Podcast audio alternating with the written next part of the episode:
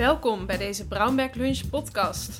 Omdat de hele dag Zoom echt voor niemand leuk is, hebben we voor jullie weer een podcast gemaakt. En het grote voordeel daarvan is dat je kan luisteren waar, hoe en wanneer je maar wilt. Tijdens de lunch bijvoorbeeld. Of tijdens een wandelingetje door de stad. Omdat we met zoveel mensen samenleven in de stad, is het dé ultieme plek om complexe problemen te bestuderen. In deze podcast gaan we daarom in op twee stadsprojecten.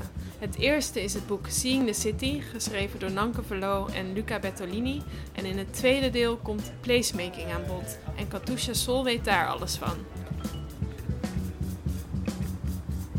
Hoi, ik ben Julia en samen met mijn collega Lina sprak ik Nanke en Luca. En Luca die kennen jullie wel, want hij is wetenschappelijk directeur van het IIS. Hij is bovendien professor in Urban and Regional Planning. Nanke Verloo kennen jullie misschien niet, maar ook zij werkt aan de UvA als universitair docent in urban planning. Samen met 18 andere auteurs schreef zij het boek Seeing the City. Op 24 november wordt het boek gelanceerd. Uh, Nanke en Luca, welkom. Jullie zijn allebei stadsonderzoekers. Wat vinden jullie zo fascinerend aan steden?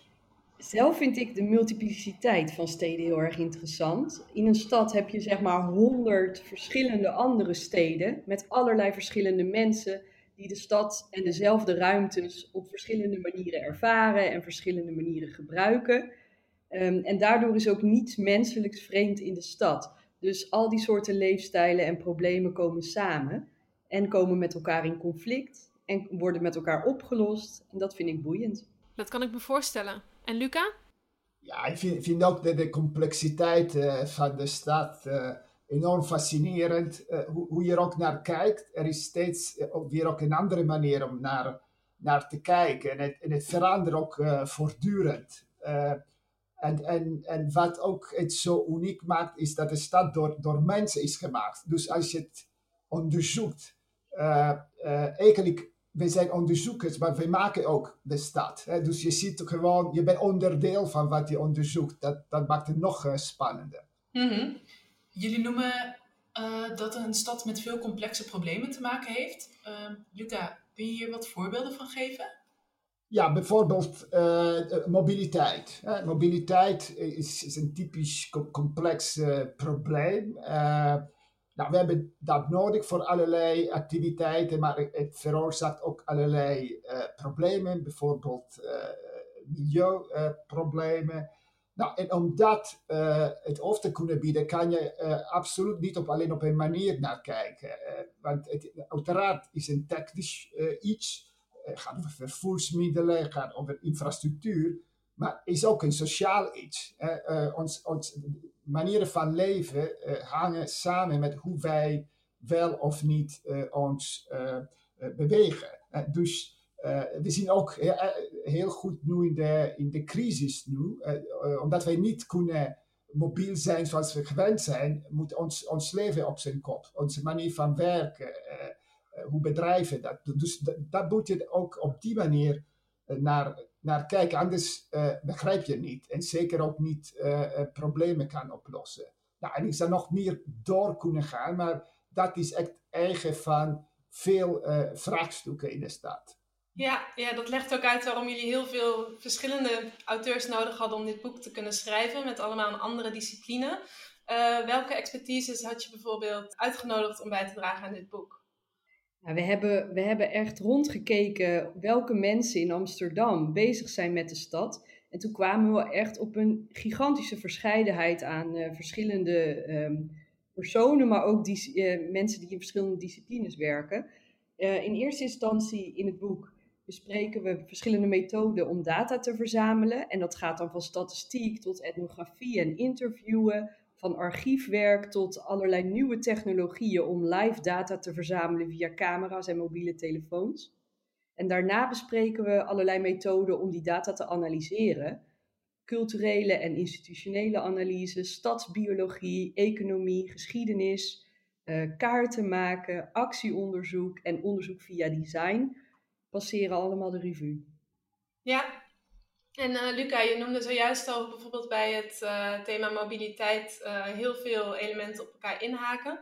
Hoe interdisciplinair is de samenwerking in stedelijke ontwikkeling nu? En wat zijn de risico's als je te weinig um, zicht hebt op het bestaan van al die verschillende perspectieven?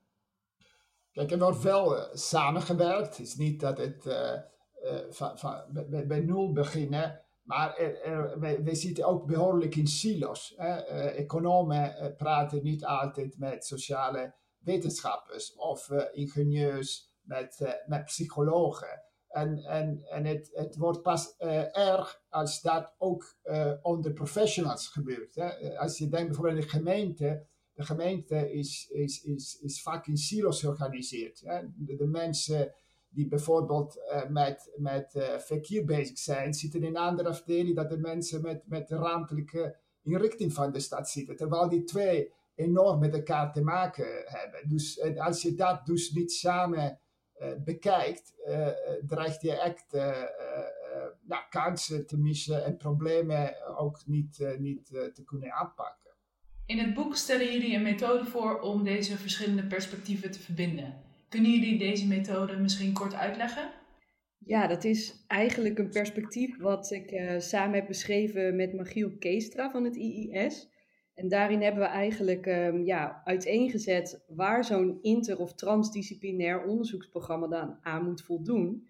Um, en wat we eigenlijk zagen is dat het belangrijkste is om te beginnen met een, een problem-based um, ja, startpunt. Dus je hebt een daadwerkelijk probleem in de stad wat je moet oplossen waar je antwoorden voor zoekt. En die zoek je dan in de disciplines die daar op de een of andere manier aan raken. Maar een tweede ding wat heel erg belangrijk is en wat we misschien ook vaak over het hoofd zien, is dat je dus een echt goed team samenstelt van wetenschappers en professionals die verder willen en kunnen kijken dan wat ze normaal gesproken doen. Uh, verder willen kijken dan hun eigen methode, maar ook verder willen kijken naar ja, andere ontologieën. Dus dat je geen team hebt waarin sommigen denken: hé, hey, nee, dat is geen echte wetenschap. Of waarin je een competitie krijgt tussen verschillende wetenschappelijke um, ja, benaderingswijze eigenlijk. En daarnaast, om zo'n team echt impact te laten hebben in de stad, is het belangrijk om professionals of lokale stakeholders te betrekken, die veel beter die lokale context kennen, zodat er wat meer robuustheid komt um, in de manier waarop zulke interventies dan daadwerkelijk dat probleem proberen aan te pakken. Dus dat hebben we op een rijtje gezet. En daarna hebben we nog nagedacht over wat betekent dat dan voor de theorieën die we gebruiken in zo'n soort team. Uh, je kan eigenlijk niet uit de voeten met één soort theoretisch kader in zo'n interdisciplinair team. Dus je gaat in eerste instantie samen een theorie um, ontwikkelen waarin iedereen zich uh, thuis voelt en waar iedereen mee kan werken om zo'n probleem te onderzoeken. Um, dus ja, dat uh, vergt heel veel voorbereiding voordat je daadwerkelijk het onderzoek echt in kan duiken. In het boek uh, stellen jullie vier vragen centraal. Dat is: What do I see? How can I understand? What do I miss? And why does it matter? Zijn dat de vier vragen die helpen bij wat je zojuist beschreef? Nou, dat zijn eigenlijk vier vragen die bij ieder onderzoeksproject zouden kunnen helpen. Om je eerst af te vragen, wat zie ik eigenlijk en hoe sluit dat aan bij mijn discipline? Vervolgens jezelf af te vragen, hoe kan ik dit beter of, of, of überhaupt begrijpen? En, en dan die vraag te en wat wij eraan toevoegen is eigenlijk in dit boek de vraag, what do I miss? Um, die natuurlijk lastig te beantwoorden is als je alleen zou zijn, omdat je niet weet wat je mist. Um, maar wij, juist door met al die verschillende personen samen te werken en dus de blik van die verschillende personen bij elkaar te brengen, begin je te zien wat je eigenlijk eerder niet zag en wat je dus mist in jouw eigen benadering. En dat hebben we in het boek gedaan door uh, workshops te organiseren met de auteurs, waar we naar een specifieke plek van de stad keken door middel van een foto eigenlijk.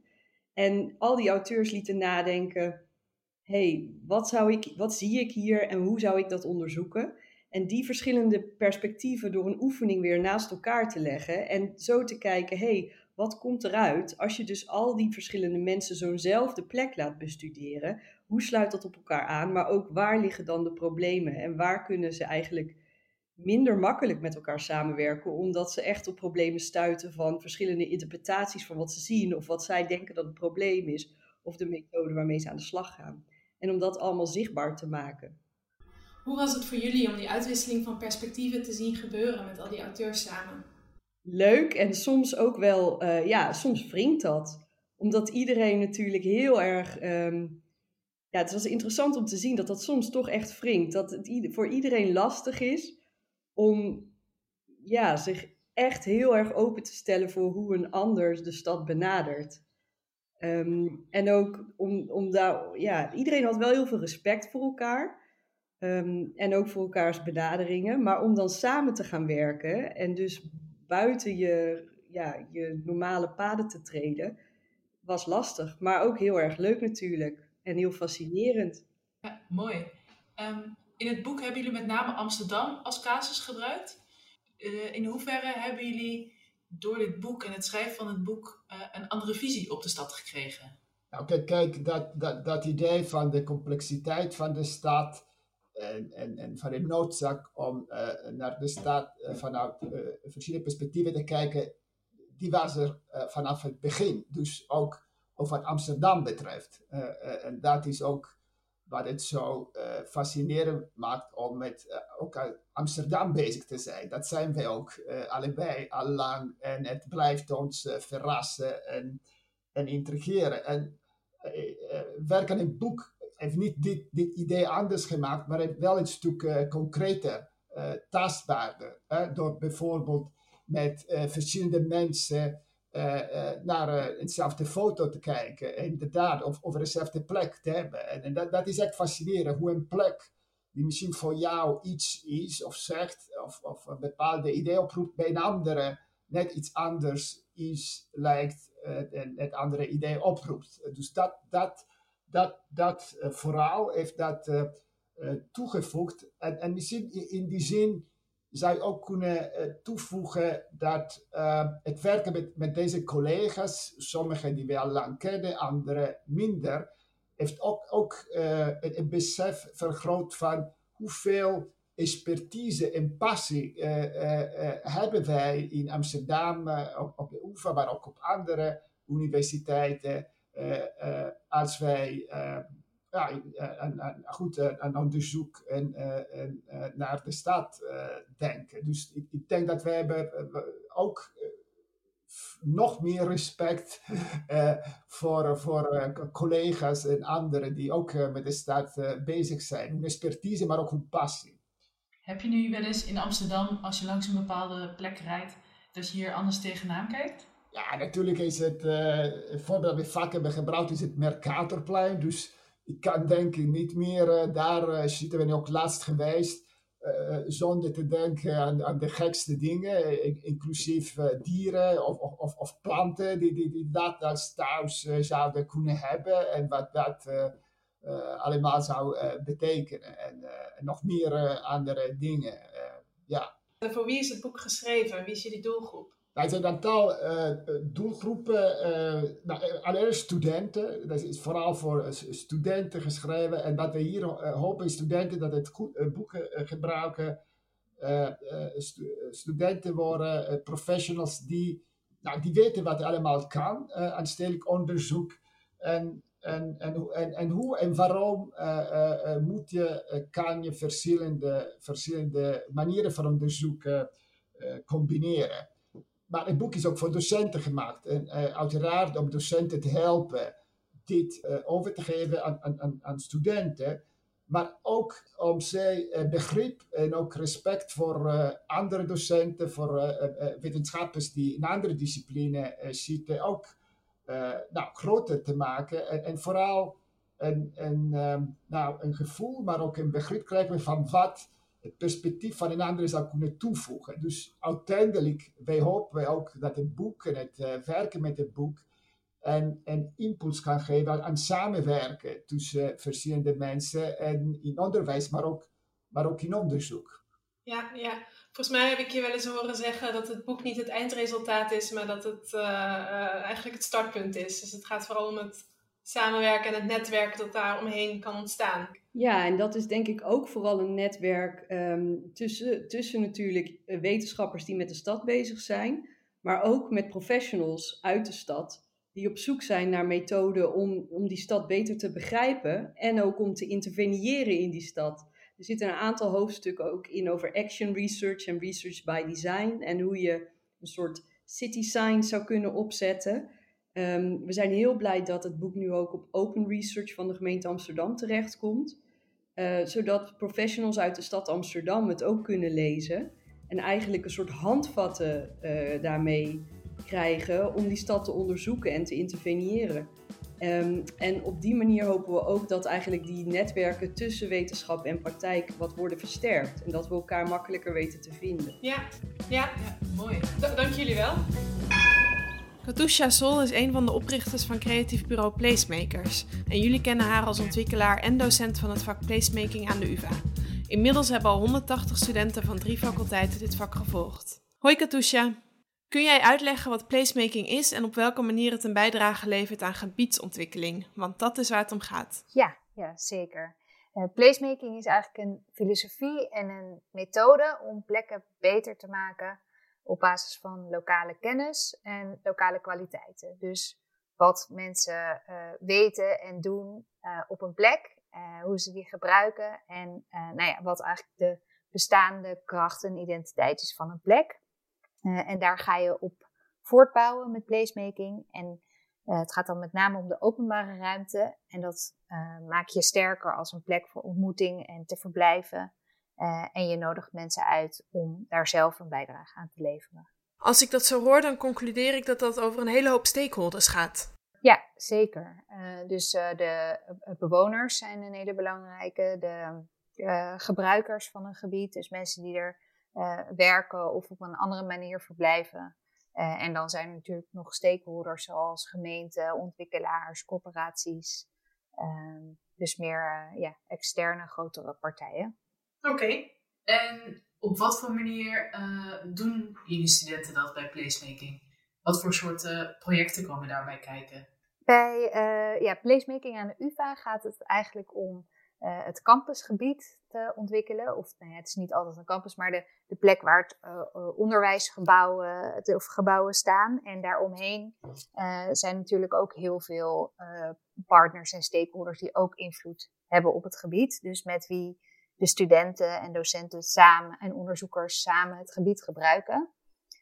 en daar nou ja, vragen we dan om vraagstukken vanuit die partners. En daarvoor gaan studenten aan de slag. En dat is aan de UvA op drie verschillende campussen. Dus op het Science Park loopt het al een aantal jaar. sinds vorig jaar op Eiland. En die voor het universiteitskwartier is een ontwikkeling. En dan moet je denken aan opdrachtgevers. Bijvoorbeeld op Science Park is dat Anna's Tuin. Dat is een groot groen gebied. Startup Village is een plek voor ondernemers. maar ook de gebiedsmakelaar bijvoorbeeld van de gemeente. En gaat het daarbij altijd over fysieke plekken of gaat het soms om meer abstracte opdrachten? Uh, placemaking is meestal wordt dat toegepast op de openbare ruimte of op semi-openbare ruimte. Zoals uh, bibliotheken bijvoorbeeld en dat soort plekken.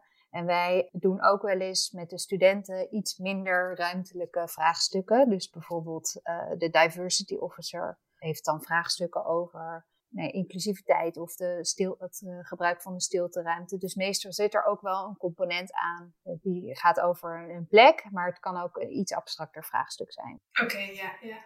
En is er een specifieke werkwijze verbonden aan placemaking? Volgen studenten bijvoorbeeld een vast online stappenplan? Ja, wij werken bij het vak placemaking aan de hand van design thinking. Um, en dat is een uh, methode om een probleem te analyseren en te onderzoeken uh, waarbij studenten ook echt uh, het gebied in moeten gaan, met mensen praten, met die verschillende stakeholders um, in contact komen en dan steeds hun aannames testen. En dat mondt dan uit in een oplossingsrichting. Dus het gaat niet alleen om analyse, maar ook om iets te doen in de praktijk, wat je weer test en evalueert, zodat je daarop voort kan bouwen. En het leuke van het vak is dat we vaak vaste opdrachtgevers hebben, uh, zodat studenten ook weer kunnen voor dezelfde opdrachtgever aan de slag gaan en kunnen voortbouwen op wat het eerdere groepje uh, al heeft gedaan. Wat leuk. Um, kun je een voorbeeld noemen van zo'n succesvol studentenproject? Ja, we hebben echt heel veel uh, goede en leuke projecten. Uh, de meest bijzondere vind ik vaak de projecten die voortgang krijgen, dus die een soort ja, duurzaam worden eigenlijk. En dat neemt niet weg dat de projecten die dat niet hebben, daar leer je natuurlijk ook heel veel van. Maar het is, er is bijvoorbeeld een project van Anna Stuin, dat stuk groen op Science Park, waarbij studenten een manier hebben gevonden dat kinderen van basisscholen in Oost krijgen les in Anna Stuin van biologiestudenten. En die biologiestudenten die worden dan betaald door UvA Outreach. En zij hebben dat als pilot opgezet met één school en een aantal studenten. En de vrijwilligers hebben dan het lesprogramma opgesteld. En nu is dat eigenlijk gegroeid tot een aantal scholen in Oost, terwijl zij zelf niet meer betrokken zijn. Dus dat vind ik wel een hele mooie uitkomst, dat het eigenlijk heel erg blijft leven. Ja, ik kan me ook voorstellen dat het heel leuk is voor studenten als hun adviezen en projecten worden uitgevoerd. Ja, het is ook, uh, studenten zijn heel gemotiveerd doordat het een echte opdrachtgever is. Uh, uh, het is ook soms lastig, want die zijn niet altijd bereikbaar. Of het is, nou ja, hebben we met andere obstakels komen er soms voorbij. Maar dat het ook echt gezien wordt en, en meegenomen, dat er iets mee gedaan wordt, is wel heel motiverend. Oké, dan heb ik nog één laatste vraag. Hoe gaat het nu met placemaking en wat hoop je in de toekomst met placemaking nog voor elkaar te krijgen? Ja, het gaat heel goed. We hebben, het is voor de laatste keer als keuzevak op het Science Park. En we hadden drie keer zoveel studenten aanmeldingen als eh, bedacht. Dus we zitten op bijna 50. Dat is heel uh, leuk. Bij uh, het universiteitskwartier is het in ontwikkeling. Dus vanaf uh, december kunnen ook geesteswetenschapsstudenten zich aanmelden. Dus daar kijk ik ook heel erg naar uit. Um, en um, ik hoop dat het eigenlijk, ja, het is nu een aflopend vak op Science Park, maar dat het toch op een manier uh, permanent wordt. Dus dat er nog een, eh, binnen een opleiding het voortgezet kan worden. Want ik denk dat het toch heel belangrijk is, ook omdat het een heel interdisciplinair vak is, dat er veel verschillende studenten dit kunnen blijven volgen. En bijdragen aan hun eigen campus. Ja, leuk. Oké. Okay. Graag gedaan. Thomas Schuurman-Hes en Eva Leenders zijn net klaar met de studie interdisciplinaire sociale wetenschappen. Zij volgden eerder dit jaar het vak placemaking. In opdracht van UvA Vastgoed en samen met medestudent Sophie Westenburg voerden zij het project Plan B uit. Hoi, Eva en Thomas. Eva, kun je vertellen met welke opdracht jullie team aan de slag ging? Uh, ja, we zijn uh, aan de slag gegaan met een opdracht die we bij het vak placemaking hebben gekregen. En daarbij werk je eigenlijk met externe opdrachtgevers. Um, en wij hebben met UvA Vastgoed gewerkt. En zij hebben ons eigenlijk de vraag voorgelegd welke kansen er zijn om het uh, Routers Eiland Campus natuur inclusiever te maken. Want waarom is dat eigenlijk belangrijk dat het Routers Eiland natuur inclusief wordt? Ja, ik denk de vraag kwam vooral voort uit twee, twee eigenlijk beleidszaken um, waar de UvA um, mee bezig is. Eén is hoe, mm, welke positie neemt Routers Eiland uh, in de welke positie neemt hij in, in de stad in de toekomst. Uh, en dan gaat het daar vooral over ja, welke eigenlijk um, hoe, hoe kan de stad meer samenleven met de natuur. Dus daar uit, uit dat beleid stuk komt eigenlijk de ene helft van de vraag. De andere helft van de vraag komt volgens mij ook vooral voort uit um, een kwestie van de directe om medebewoners in de buurt, die eigenlijk Routers Eiland een um, toch wat verstedelijk stukje vinden en daar ook graag wat meer natuur zouden willen zien. Uh, dus ik denk dat het een combinatie is van op welke manier kunnen we als Routers Eiland en UvA mee uh, doen met de ja, ontwikkeling van de natuur en de stad zijn eigenlijk twee dingen die met elkaar verbonden moeten zijn, in plaats van uh, de natuur is buiten de stad. Mm -hmm. Ja, ja. Uh, en hoe dat ging, dat zullen we zo uh, nog vragen. Um, Eva, mocht je die opdracht zelf kiezen of kreeg je er eentje toegewezen? nee, we mogen de mochten deze zelf kiezen tot in een zekere zin eigenlijk. We kregen de um, opdrachtgevers met de bijpassende vragen. Um, werden ons eigenlijk gepresenteerd en daaruit konden we toen volgens mij een top 3 maken. En daarbij werd je dan ingedeeld. En weet je nog waarom deze je aansprak? Ik vond het gewoon wel een heel interessante vraag, omdat ik eerlijk gezegd ook nog nooit eerder had gehoord van dus de combinatie natuurinclusiviteit. Natuurlijk wel de twee begrippen los, maar ik had er op die manier nog nooit zo erg over nagekeken, eh, nagedacht dat een gebied dus ook inclusief kan zijn op het gebied van ehm, milieu en ecologie en uh, natuur. Ja, ja.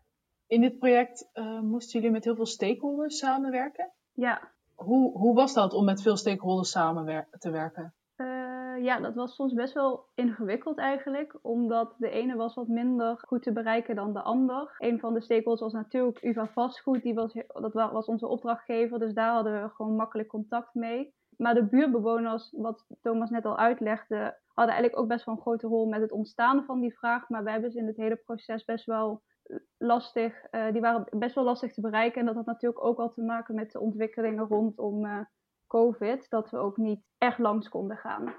Ah ja, wat dat betreft hadden jullie ook pech met de timing ja, natuurlijk. Ja. Daar moest je creatief mee zijn. Mm -hmm. Mm -hmm. En, en als je ze dan be bereikte, waren ze het in de regel met elkaar eens? Of waren er echt wel heel verschillende belangen?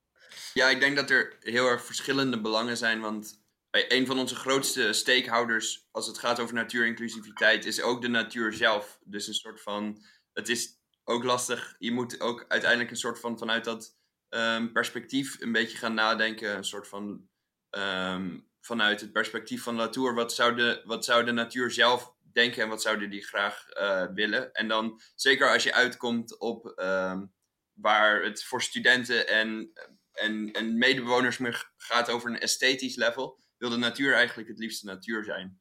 Um, en, en hoe zorg je ervoor dan dat die um, stem van de natuur, die niet als zodanig uitgesproken kan worden, wordt gehoord? Ja, dat is eigenlijk um, heel goed constant een reflectievraag stellen van wil de natuur dit eigenlijk? Wil de nat zou de, de natuur dit zelf willen? Zou dit een natuurlijk proces zijn? Zou dit een soort van ecologische um, samenstelling, zou, die goed zijn voor de natuur? Want we hadden bijvoorbeeld ook een tijdje uh, bij, bij Plan B, ik loop nu een beetje vooruit op het plan, maar we hadden bij Plan B een idee als eerste instantie om een um, honingbijenpopulatie te starten op uh, Eiland. Maar toen kwam men er eigenlijk achter, maar de honingbij, als die zich in zo'n gebied gaat vestigen, en zeker op de grote schaal van het um, een honing, een bijenkast neerzetten, dan is er een hele grote kans dat die inheemse bijensoorten weer juist gaan verjagen. Dus het is een soort van die constante vragen ben je eigenlijk aan het stellen als je zo'n stakeholder in perspectief brengt. En uh, dat is denk ik ook een van de grootste lessen die je leert tijdens placemaking. Wat, uh, ja. wat een erg leuke les is, vind ik zelf. Um, Eva, je noemde net al even de uitdaging van, uh, die, die COVID bracht. Waren er nog meer of uitdagingen of juist doorbraakmomenten die je kan uh, herinneren? Ja, best wel eigenlijk. Ik denk dat het ding met placemaking is dat je heel erg um, breed moet beginnen. En het is het gevaar dat je, je bent eigenlijk gewend om heel snel al aan oplossingen te gaan denken. Um, maar dat is iets wat je bij placemaking echt pas op het laatste moment moet doen. Dus je moet heel lang heel breed blijven. En dat kan soms best wel voor een uitdaging zorgen. Dat was zelfs als je dus helemaal best wel onderaan in het, of ja, verder in het proces komt, dat je dus op het moment gaat komen dat je oplossingen moet bedenken, dan moet je ook echt, volgens mij, ja, hoeveel oplossingen hebben we toen moeten bedenken, Tom? Iets van 30, geloof ik? Ja, we hebben wel 30 of 35 oplossingen. En daar moet je dan dus uit gaan selecteren. En dat kan soms best wel een uitdaging zijn om zo lang, zo breed te blijven. Um, mm -hmm. Maar dat zorgt dus juist voor uh, hele leuke en hele goede oplossingen. En wat is de uiteindelijke oplossing die jullie dan gekozen hebben? Ja, de uiteindelijke oplossing die we hebben bedacht uh, was dus Plan B. Um, waarbij we eigenlijk dus in, het, um, in de gracht bij het Goeters Eiland campus um, watertuinen wilden installeren. Die aan de bovenkant uh, planten hebben, planten en bloemen die dus uh, verschillende nectar etende insecten zou aantrekken. Um, en aan de onderkant van de uh, watertuinen wilden we waterzuiverende planten installeren. Dus om op die manier dus en heel erg dus uh, de, de vraag van de natuur tegemoet te komen, maar ook wel dat, dat ethische uh, aspect waar de, de studenten en de buurtbewoners heel erg om vroegen. Ja, wat, wat mooi. En je, je noemde al de naam van jullie project. Hoe, plan B, hoe, hoe kwamen jullie tot deze naam? Um, ja, we waren eerst wel heel veel eigenlijk op um, bijen gefocust. We wilden eerst ook um, insectenhotels plaatsen op uh, de daken van het Goeters Eiland campus. dus we waren daar, daar begon eigenlijk onze focus. En op die manier hadden we eigenlijk, volgens mij, had, ik weet niet of Sophie of Thomas hem had bedacht, het grapje eigenlijk dat het, uh, het dubbele van, het is een plan B, want er moet iets veranderen. Mhm. Ehm, maar dus ook een plan voor de bijen. Ja, leuk. En, en weten jullie hoe het ervoor staat met jullie plannen? Want jullie hebben dit advies dan eh, uitgesproken uh, aan de universiteit, aan de opdrachtgever. Thomas, weet jij of dat die plannen ook worden geïmplementeerd? Um, ja, daar zijn we nu mee bezig eigenlijk. Um, UvA Vastgoed heeft aan ons gevraagd of we het plan zelf door wilden zetten. Uh, ze hebben daar ook een um, beetje budget voor vrijgemaakt. En we zijn nu eigenlijk aan het kijken welke mogelijkheden er nou precies allemaal zijn. Uh, op welke manier we dit nou allemaal toe kunnen passen. Routers Eiland blijkt dus ook een heel erg belangrijke um, kruispunt voor waterafvoer te zijn. Dat is heel, een heel leuk feitje misschien, maar uh, er is bij um, Eiburg een soort groot gemaal wat in um, hoge nood water kan afvoeren vanuit de binnenstad via Routers Eiland naar het, het IJmeer. En uh, waarschijnlijk wordt het vrij lastig om dingen te mogen plaatsen in het water. Maar mm -hmm. we, kunnen, we zitten dan bijvoorbeeld na te denken over uitwijken naar um, oevers. Dus een soort van uh, natuurlijke oevers uh, die er nu niet zijn. Waardoor er ja. dan uh, op die manier. Dus het is ook een beetje weer schakelen tussen het plan. Kijken wat er nou precies mogelijk is met uh, vergunning en met waternet. En dat soort partijen om, um, om uiteindelijk dat plan te realiseren. En een, ja, daar, daar staan we nu eigenlijk. Maar dat is wel bijzonder. Jullie zijn, het vak is al afgerond en jullie zijn al afgestudeerd. Maar jullie worden toch nog uh, om input gevraagd hierover? Ja, het is, uh, je bouwt eigenlijk echt een relatie. Wat leuk is aan het vak is dat je echt een relatie opbouwt met de, met de opdrachtgever. In ons geval dus de UvA zelf. Maar we er zijn ook opdrachtgevers zoals het GVB bijvoorbeeld. En je, bent er, je bent, staat gewoon goed in elkaar met contact. Je hebt dat hele uh, idee eigenlijk al uitgewerkt, een plan voor gemaakt. En zeker als het gaat ook om placemaking, is het meestal een heel. Er wordt heel erg gefocust gelegd ook op hoe verbind je verschillende knelpunten van verschillende stakeholders bij elkaar om een integraal plan te maken. En uh, ik denk dat daar ook gewoon veel behoefte aan is. Dus het is leuk om het dan echt uit te kunnen voeren. Uiteindelijk. Ja. ja, super mooi dat jullie die kans hebben gekregen om dat verder te ontwikkelen. Jullie hebben natuurlijk nu het hele proces van placemaking doorlopen.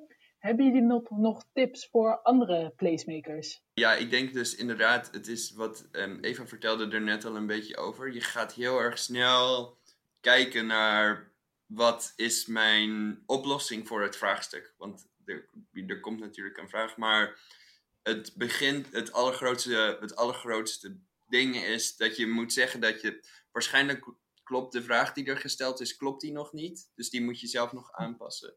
Um, blijf voornamelijk open naar wat voor verschillende geluiden er vanuit verschillende stakeholders naar jou toe komen. Uh, en hoezo klopt die vraag uh, niet? Weet de opdrachtgever niet wat hij wil? Of wat, uh, wat gaat daar mis? Nou, de opdrachtgever weet waarschijnlijk wel wat hij wil, maar zeker er, er, bij placemaking gaat het over de plek en die is toegankelijk voor verschillende, verschillende uh, stakeholders. En als er vanuit één perspectief, vanuit, het, vanuit alleen maar de opdrachtgever wordt gedacht, dan ben je eigenlijk al niet. Dan ben je eigenlijk gewoon een opdracht aan het vervullen. Dus je bent dan niet echt aan het placemaken. Placemaken is rekening houden met wie is er allemaal betrokken bij dit plan en hoe kunnen we zorgen dat er voor iedereen uh, iets gemaakt wordt. Want anders werkt het misschien in de openbare ruimte niet. Ja, helder. Ik heb nog één laatste vraag aan jullie allebei. Ik begin met Eva. Ik ben benieuwd of dat dit vak misschien een liefde voor stadsontwikkeling heeft doen opbloeien. En uh, of dat die eventuele liefde terugkomt in jullie loopbaanplannen. Ja, zeker wel. Ja, het is echt heel leuk. Vooral denk ik als je een uh, in veel universitaire studies is het natuurlijk allemaal heel uh, theoretisch en je komt veel minder met uh, de praktijk en met externe opdrachtgevers in contact. En dat is bij placemaking wel. En het is gewoon echt heel leuk om te zien hoe, hoe zo'n proces in zijn werk gaat om, en om daar deel in te kunnen maken. En zowel dus die theorieën die je hebt gehad en die kennis, om dat te kunnen integreren in zo'n project. Dat vond ik echt heel erg leuk het lijkt me wel heel leuk om um, wel zoiets als placemaking, ik weet nog niet precies op wat voor manier, maar uh, om dat wel verder, oh ja, om daar verder mee te werken. Ja, leuk. En, en Thomas, hoe zit dat voor jou? Ja, ehm, eigenlijk, uh, ik, ik wist al wel een beetje van tevoren dat ik, er, dat ik iets met ehm, stadsontwikkeling wilde gaan doen. Maar het geeft zeker een extra kick in de richting van, dit is echt iets superleuks. Uh, je, bent, je bent zo bezig met het maken van, de, van je eigen ruimte en analyseren hoe die ruimte eigenlijk in elkaar zit. En dat, ik vind dat, uh, echt een, vond dat echt een superleuke, superleuke les. Ik ga ook um, uh, Master Human Geography doen. Waarschijnlijk aan de UvA. En, en ik hoop eigenlijk voor altijd met stadsontwikkeling bezig te kunnen blijven. Uh, ik denk ook dat er een belangrijke taak is in. Dus op dit moment, als de verstedelijking een soort van blijft groeien, op welke manier gaan we daar de natuur dus inderdaad meer bij betrekken? Op welke manier gaan we zorgen dat er genoeg voedsel is voor iedereen? Ik denk dat het allemaal hele interessante vragen zijn. En dat het ook, uh, ja, placemaking echt zo'n hands-on uh, stapje is in hoe pak je dat nou eigenlijk als je eenmaal in het werkveld zit. Hoe pak je nou eigenlijk zo'n proces aan uh, als je projectmatig te werk gaat? Jullie hebben allebei wel ideale antwoorden. Ik uh, hield nog rekening met de mogelijkheid dat ze zeggen: nee, stadsontwikkeling uh, nooit meer. stadsontwikkeling all the way. Zeker. Leuk. Dank jullie wel. Super, jullie ja. ook bedankt. En jij bedankt voor het luisteren naar deze tweede Brownback Lunch podcast. Fijne dag.